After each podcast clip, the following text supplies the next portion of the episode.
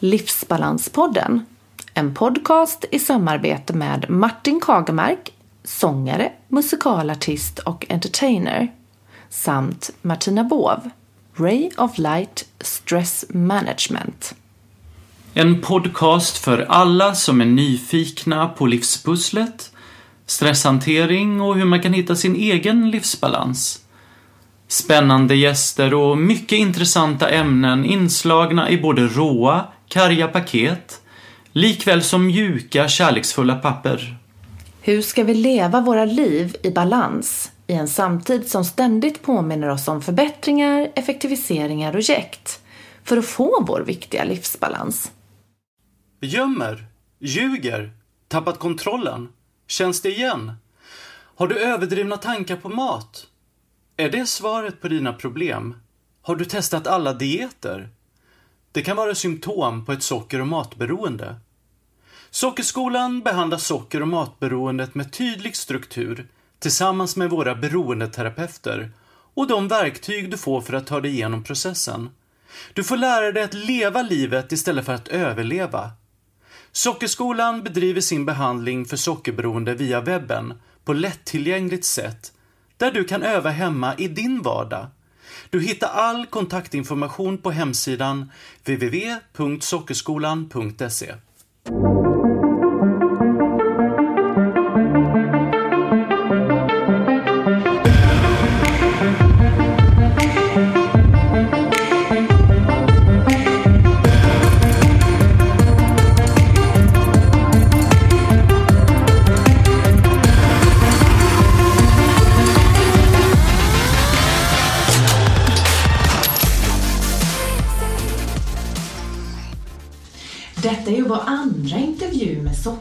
Sockerskolan eh, här. Då första avsnittet har blivit ett av våra mest lyssnade avsnitt med Kristina Krugnell. Jättekul verkligen eh, att detta har fått ett sånt genomslag tycker vi. Och eh, det är ju ett ämne som många känner igen sig i. Det ska bli spännande att djupdyka ner i sockerskålen ännu en nivå till. Jessica Ejblad som arbetar som behandlingsterapeut på Sockerskolan är vår gäst idag. Så välkommen till Livsbalanspodden Jessica. Ja men tack så härligt. Vilka vackra, härliga, värmande ord Martina. Mm. Ja, eh, här sitter jag och ska bli intervjuad av er och eh, jag vet att min kollega uppskattade förra gången som hon var här. Mm. Vad kul! Härligt. Ja men det var verkligen så, så spännande. Ja, väldigt, väldigt spännande. Vem är du Jessica som person och hur skulle du beskriva dig själv? Mm. Jag som person, det är den här stora eviga frågan. Vem är jag? Ehm, Jag har skitmånga delar. Oj, nu svor jag kanske. Men jag har jättemånga delar inom mig. Och en del blev väldigt glad när jag kom hit för att det var så mycket vackra blommor liksom, i, i entrén. Och det är en del av mig. Jag är en sån där som tycker om blommor och när, när jag blir nervös då går jag runt och, och rabblar latinska namn bara för att liksom... Väldigt användbart när man är på sådana här ställen där det är lite extra nervöst. Ja, men, höga berg i Chamonix och så börjar jag liksom ta latinska namn på alla blommorna. Det var intressant. Nej, men jag är en sån som gillar att stoppa fingrarna i jorden. Jag gillar att eh, utforska saker. Eh, Jag står gärna på höga alper och tittar ut och jag hoppar gärna in i andra människors hjärnor och lyssnar på vad finns det där innanför. Så att det här...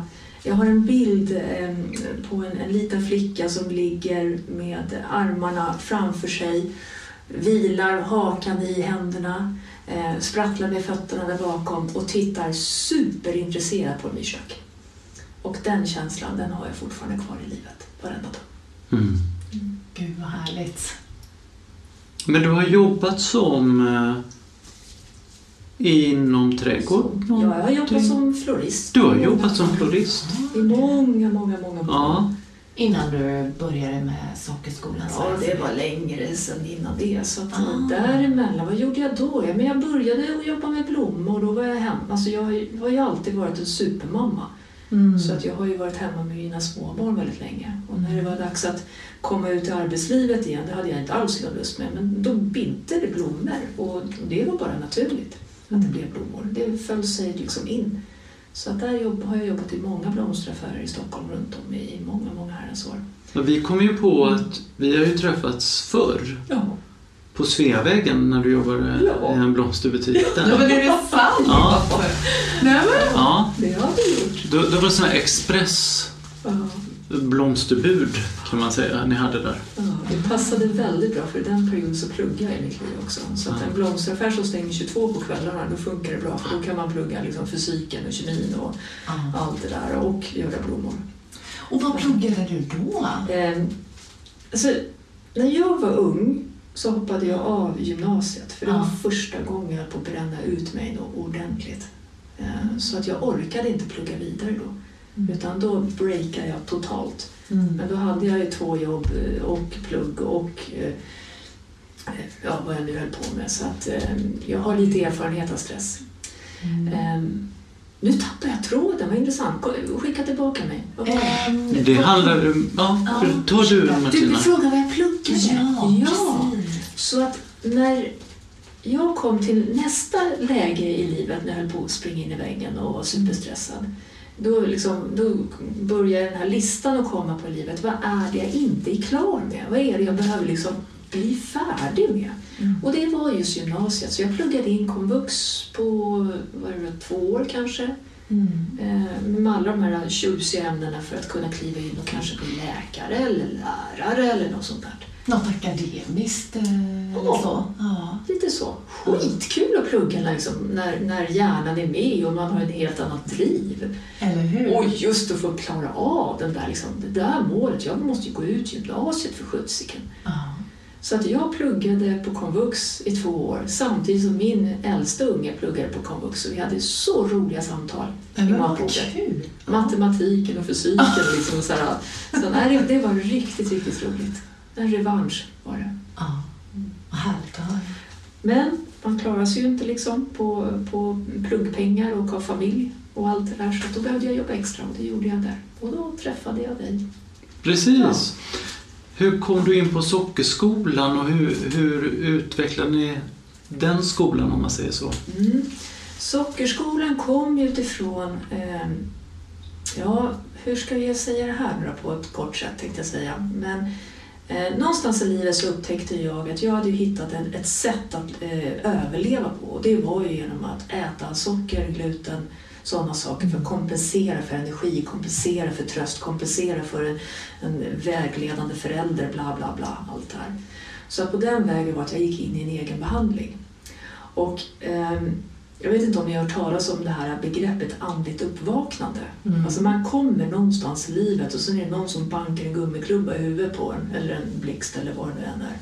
Och den här andliga uppvakningen kom när jag var på min andra dag eller tredje dag på behandling hos Bitten Jonsson uppe i Hudiksvall.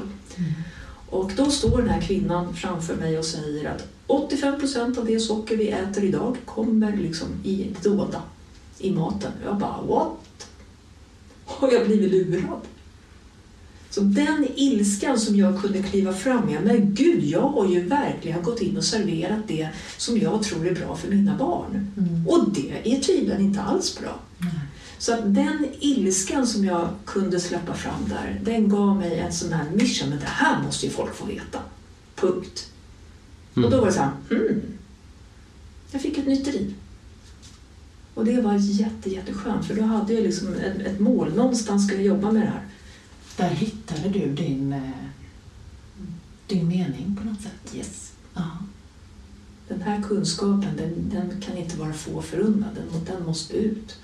Och det var ett driv för dig själv också? Oh, ja. Att bli fri från det? Ja, och så var det en bok som vi läste där i, hemma i familjen. Eh, Mats-Erik, vad heter han? Nilsson kan det heta så. Eh, som beskrev då vad som fanns i en pistageglass. Och man bara, ja men det är väl glass och pistagenötter? Nej, det är det inte. Så att det i kombo med Bittens ord om att 85 procent av det socker som vi får i oss, det, det har vi dolt i maten. Mm. Det gjorde liksom att oj, nu behövs det ha liksom, det behövs mer kunskap om det här. Och idag är jag jätteglad för att det är så, det är så, det är så vad ska jag säga, medvetet idag på ett helt annat sätt. Idag så finns det mer att välja på i affären än vad det fanns då. Så den här upptäckten, den ledde till att jag gick in och eh, eh, utbildade mig till kostrådgivare.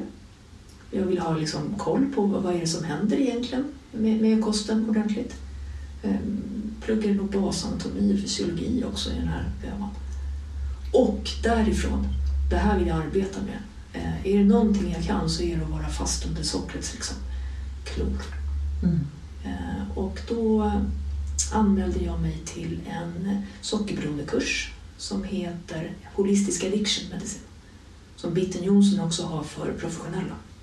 Så sådana som vill arbeta och ha det här som yrke då. Så man får in än mer kunskap än, än i den vanliga, liksom, ta bort sockret från maten ungefär.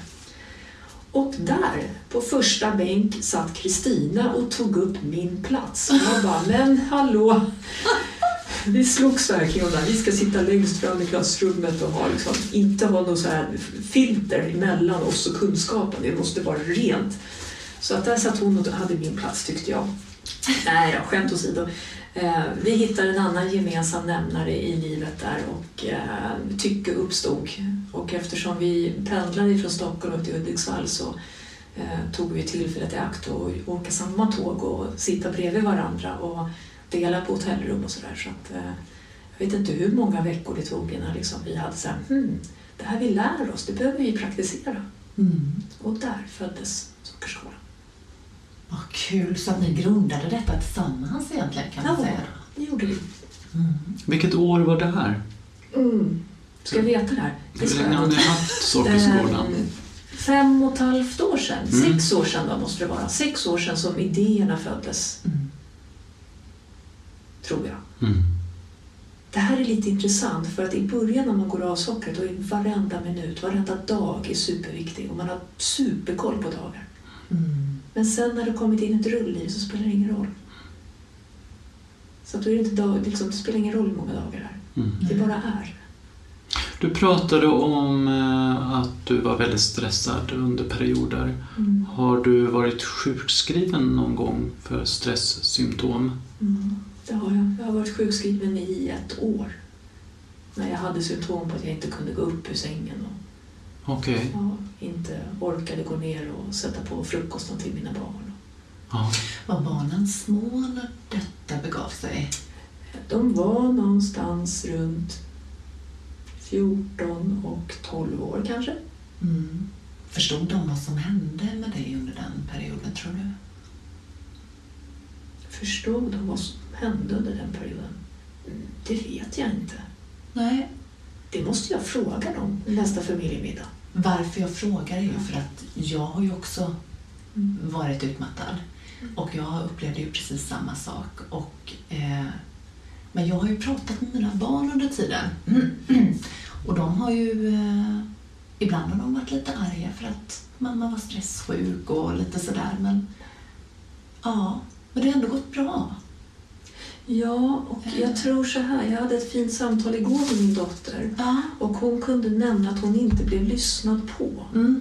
Och det kan jag känna att nej, jag var inte närvarande för jag var så fullt upptagen med att bara överleva. Mm. Eh, mina överlevnadsstrategier i det här, eh, i den tiden, det var gör mer. Mm. Så att jag gjorde mer och kollapsa. Gjorde mer och kollapsa. Multitasking. Mm. Mm.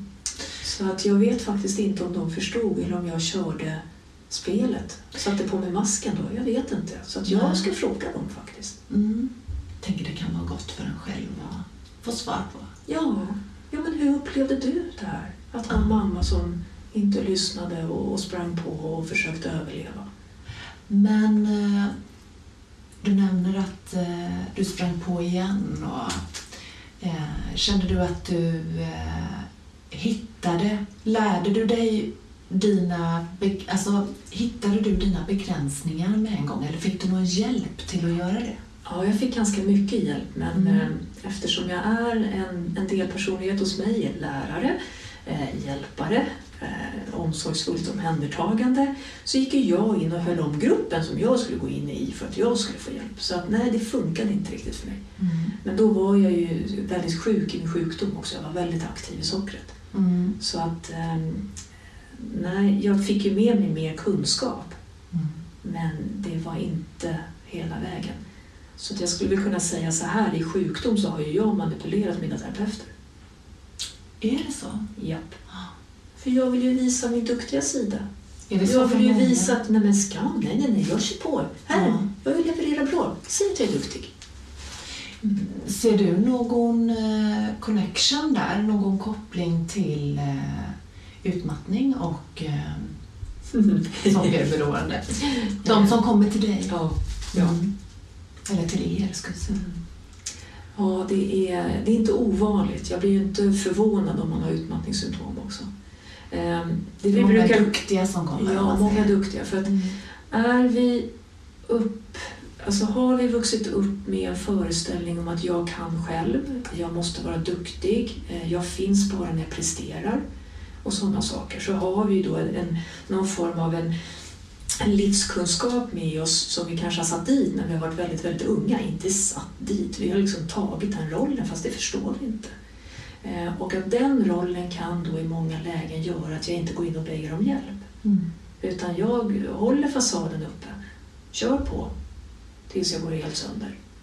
Eh, Och så gör jag det igen och igen och igen. Och att leva i den stressen är det väldigt vanligt då att har vi då en underliggande genetisk sårbarhet för, för ett beroende så är det väldigt lätt att vi går tillbaka till vårt beroende och går den, går den vägen så att både beroendet eskalerar Mm. och kanske den fysiska, psykiska, mentala, emotionella eh, stressen i det här. Så man kan se att beroende och stress eh, kan, kan växa tillsammans. Men det är inte hos alla det gör det. Det är inte alla som är beroende. Eh, Men man kan se att stressen också mm, ökar såklart. eh, Även om man inte har ett beroende utan har det som en livsstrategi. Men går man då och ber om hjälp då, som, som jag gjorde hos läkare och dietister och eh, psykologer och kuratorer och följer de råd och kan, kan hänga med, ja, men då är det inte ett beroende. Då blir det jag behöver en annan strategi.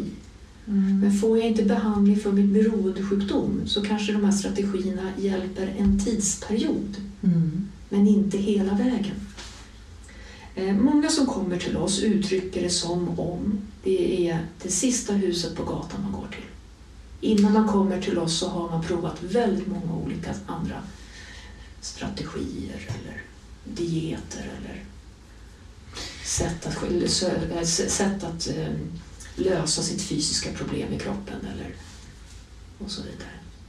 Är det många som kommer med annat beroende i bagaget också? Ja. Så att då, har det alltså en eh, relation med beroendepersonligheten att göra? Ja, exakt. enkelt. Det har med en relation till beroendepersonligheten att göra, helt Mm. korrekt. Och den här relationen till beroendepersonligheten den kan ge sig olika uttryck. Mm. Eh, Det är väldigt ovanligt att man har bara ett utlopp. Mm. Utan det är väldigt vanligt att stänger man dörren kring, kring sockret så kan eh, alkoholen komma in, shoppingen kan komma in, relationen kan komma in. Stänger man dörren till alkoholen, ja men då kan sockret komma in. Eh, Jag blev lite irriterad. Lite var väl kanske un- understatement, men när jag var på ett möte för alkohol, för jag har problem med alkohol också, då står det i den litteraturen som jag fick framför mig, nej men du kan gå in och äta socker istället. Och så bara, med den kunskapen som jag hade då om hjärnan och socker, jag bara, nej men det kan jag ju inte. Så här kan man ju inte skriva, det går ju inte. Och så blev jag irriterad så ville jag inte komma tillbaka. Så då hade jag det som en ursäkt att inte fortsätta gå på de mötena. Mm. Så det tyckte min röda hund. Eh, Röda hund är ett begrepp för sjukdom. Men det lät ju jättekonstigt att de Mm. rekommenderade det. Mm. Men det har jag också hört att det är ibland att man kan ersätta ett beroende med ett annat som är då mer så kallat hälsosamt för vissa. Mm. Till exempel sluta dricka alkohol och börja träna istället. Mm. Ja, men om man är en beroendepersonlighet så kanske man tränar sönder sig istället. För att man har inte den här eh, generella begränsningen för sig själv. Mm. Eller låter det... Absolut, Ja. absolut. Men var det verkligen så att de rekommenderade att... I boken Leva nykter så stod det så. Nu har jag inte sidan med mig men jag måste ju nästan åka hem och titta i den boken. Det låter ju väldigt... men du nämner någonting som är väldigt värdefullt och som jag vill belysa Martina och det är just det här att det kan vara bra att ta in någonting annat för att jag ska bryta ett beteende. Mm. Men sen det här beteendet, behöver, alltså där får jag vara varsam och det är det som vi kan se i behandling. Mm. Det är därför vi har efter nystart så har vi återfallsprevention. Vi har eftervården. Därför att det är så lätt att få sin beroendepersonlighet och liksom byt fokus, ja, men då tar vi träningen. Mm. Och sen så går vi in och gör någonting som är väldigt värdefullt för oss att göra. Träna är bra, punkt. Men när vi går in och låter beroendepersonligheten ta över träningen, Mm. då kan vi träna sönder oss. Ja. Och det är det som man går in i, i vidare behandling. Mm. Så att för att komma tillbaka till den här, de här råden. Ja, det kan väl vara bra råd att ta till i början, jag vet inte. Eh, för mig som är sockerberoende så är de inte bra. Men att gå in och bryta ett beteende med någonting annat Mm. för att komma ur den kemiska delen. För att när vi går in och behandlar beroende så tittar vi alltid på drogen först. Mm. Det som ger mig en ökad signalsubstanskaskad utav dopamin. Och det är där vi börjar arbetet. Så vi, vi jobbar med den, den fysiska drogen, alltså att vi ska bli abstinenta i maten, sockret, mjölet, eh, mjölkprotein för en del, eh, alkohol, droger. Mm. Och sen därifrån då går, går man in och tittar vidare då på de djupare aspekterna. Mm. Ställa in de andra balan eller eh, obalanserna så att det blir balanserat. Och det kan vara vilka tankar har jag, vilka beteenden har jag eh, och vilka känslor. Mm. Då jobbar ni lite med KBT-inriktning. Mm. Många, många olika inriktningar. Det är det som är så bra när vi har ett eget företag. Att vi kan ju liksom plocka in det vi ser i vetenskapen fungerar Precis. från olika håll. Som är evidensbaserat och forskat på. Mm. Yes. Så att vi, vi, har ju, ehm, vi har ju den möjligheten i företaget. Så att, eh, jag är jättestolt över det system som vi har arbetat fram. Eh, och det vi också gör, det är att vi gör en långtidsutvärdering hos alla våra klienter. Och hur ser det ut? Eh, Det ser ut som så att en månad efter de gått ut nystart så får de ett mejl. Hur mår du? Hur har du det? Sådana här eh, frågor som man, som man kan mäta på ett sätt. Mm. Det här mejlet kommer ut efter en månad, tre månader, sex månader, ett år, två år, tre år, fem år, sju år. För jag menar, vi ska ju inte vara nyktra i maten i ett år. Nej, precis. Utan vi ska ju fortsätta ha ett nyktert liv. Har eh, en person då som har gått nystarten, eller vad man ska säga, Mm. eh, har den möjlighet att hela tiden kunna komma in då eh, efter, eh, säg tre månader. Man har hållit upp då med eh, behandling till exempel och så känner man att nej men nu, nu behöver jag lite extra vägledning eller sådär. Kan man då, har man möjlighet att komma in efter tre månader, tre år, sju år igen? Om Ja, man skulle man. behöva. Men jag vill, jag vill poängtera en sak som du sa Martina. Och det är så här, eh, efter behandlingen. Eh, behandlingen fortgår. Behandlingen fortgår. Men det kanske inte är så att jag är under behandlingen på Sockerskolan i en grupp just nu. Mhm. Utan våra klienter, där får de, de får väldigt tydliga, liksom, tydliga, vad ska jag kalla det för, en tydlig vägledning i sin handlingsplan. Mm. Var kvar nu i nystartsgruppen, gå igenom materialet igen. Eh, se till så att du har de här faktorerna som gör att du kan hålla dig på, på den gyllene medelvägen. Ja, du kommer gå, och, gå ner i diket, men de här verktygen gör du för att komma tillbaka. Mm. Och det här tycker, jag, eller tycker vi också är värdefullt, att vi behöver ju lära oss att leva som tillfrisknade sockerberoende. Och då kan man ju inte hålla oss i kjolarna hela tiden, Nej. utan där måste man ju ut och praktisera i livet. Mm. Hur gör man när man ska fira midsommar till corona? Alltså hur gör man när man ska åka på semester? Nej, resan blev inställd. Besvikelse. Ja, det ska vi lära oss att hantera. Just det. Mm. Och är det som så då att, att mitt nätverk som jag har byggt upp runt omkring mig inte räcker till, Mm. då kliver man in i nästa grupp. Sen brukar vi också säga att någonstans efter tre till sex månader, då kommer vi till nästa skede i hjärnans utveckling. Mm. Och då är det mycket, mycket värdefullt att gå in i nästa steg och det är återfallspreventionen. Och hur kommer det sig?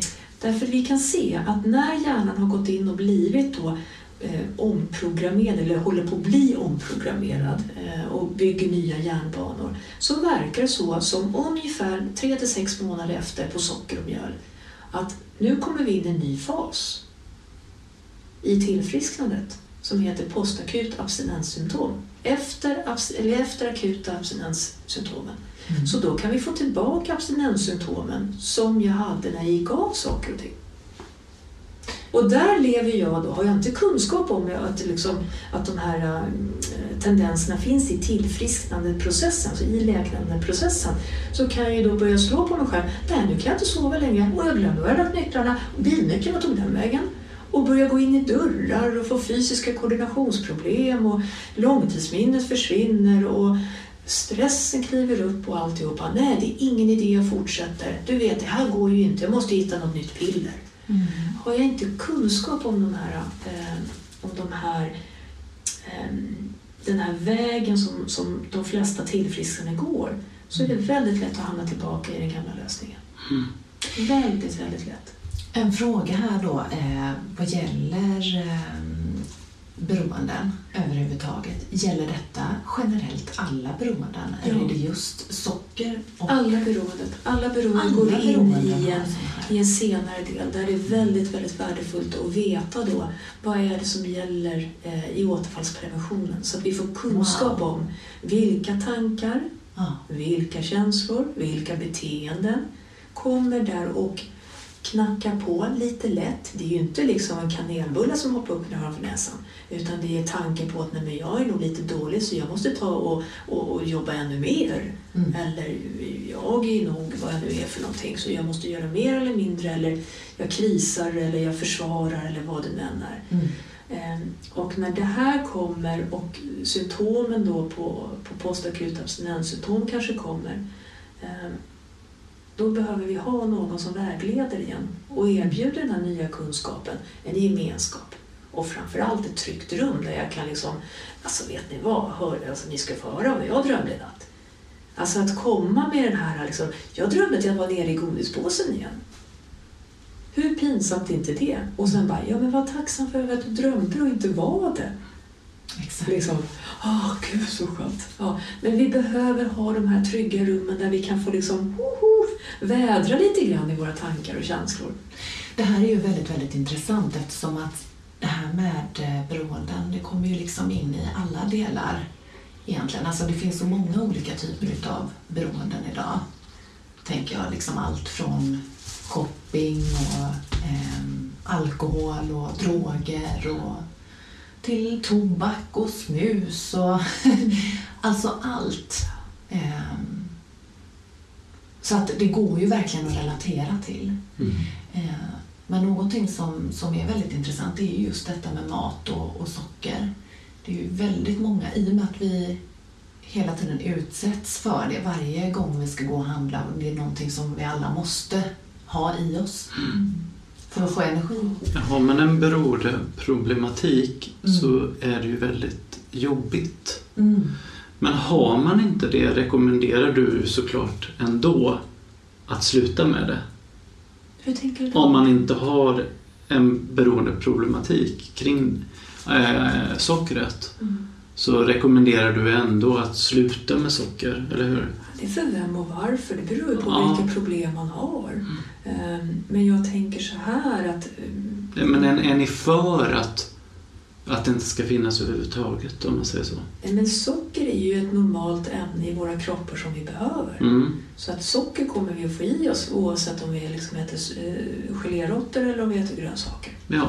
Ehm, Så att nej, vi kan inte, det är det som är problemet med mat och sockerberoende. Vi kan inte ha nolltolerans. Men Nej. vi behöver ha kolhydrater i vår kropp. ja. Men däremot så behöver vi ju en, en socker, socker och matberoende behöver ju lära sig att se hur stor andel på tallriken kan jag ha kol, av kolhydrater. Mm. Vilken typ av produkt har jag någon form av relation till som sitter på ett minne? Prinsesstårta. Kan jag äta prinsesstårta som sockerberoende? Nej, förmodligen inte. Så att det, det, det, det är inte så enkelt att det bara handlar om molekyler för vi kan inte kliva in och bli helt sockerfria. Nej. Mm. Så att hos en mat och sockerberoende så gäller det då att hitta med hjälp storlek, på volym, alltså storlek och volym på, på maten men också lära sig att hantera de här produkterna. För att det går ju inte att leva ett liv i ett superfullt kontrollerande där du inte kommer bli utsatt för socker. Nej. Utan är man mat och sockerberoende så behöver vi lära oss att handla mat, tillaga den här maten, vara med på middagar, fira födelsedagar, julafton och allt det här. Och se andra stoppa i sig detta. Och se andra stoppa i sig. Och det här kan ju vara otroligt stressfullt. Mm. Det här brukar vi eh, ta i, i biten om den sociala, eh, den sociala delen av sjukdomen. Mm. Ehm, där det kan vara problematiskt. Särskilt den första tiden när vi ska göra semester första gången eller midsommar eller vad det än må vara. Så att vi behöver avdramatisera relationen till maten och lyfta blicken från tallriken upp till bordet, alltså eh, inte från bordet, och upp och titta i ögonen på folk. Det är där vi har relationerna. Vad som ligger på tallriken är totalt oviktigt. Mm. Men för sockerberoende så har ju oftast kanske varit vad som är på tallriken, det är det viktigaste. Och var tysta där borta, för jag är fullt upptagen med att äta det här. Och kolla så att ingen annan äter upp det, för jag vill ju ha ännu mer. Så att där är det ju också att, att normalisera eh, möten mellan människor, relationerna. Att det är inte relation med maten som ska vara det främsta som ska styra. Det är relationerna i samtalen, i mötena mellan människor. Och hur arbetar ni med den delen då i eftervården? I eftervården, så, eh, eftervården fungerar på det sättet att eh, det är ett tema varje vecka. Så vi har 52 olika teman och i slutet på, på november så har vi nog 53 för jag tror att det här året har 53 veckor. Men då är det olika teman utifrån olika eh, ingångspunkter i, i beroendet. Vad som kan vara till hjälp. Fysisk träning eller Joharis fönster eller eh, beroendeprofilen eller vad det än må vara. Och där pratar vi också eh, om kommunikation till exempel. Hur kan vi gå in och kommunicera kring en familjemiddag?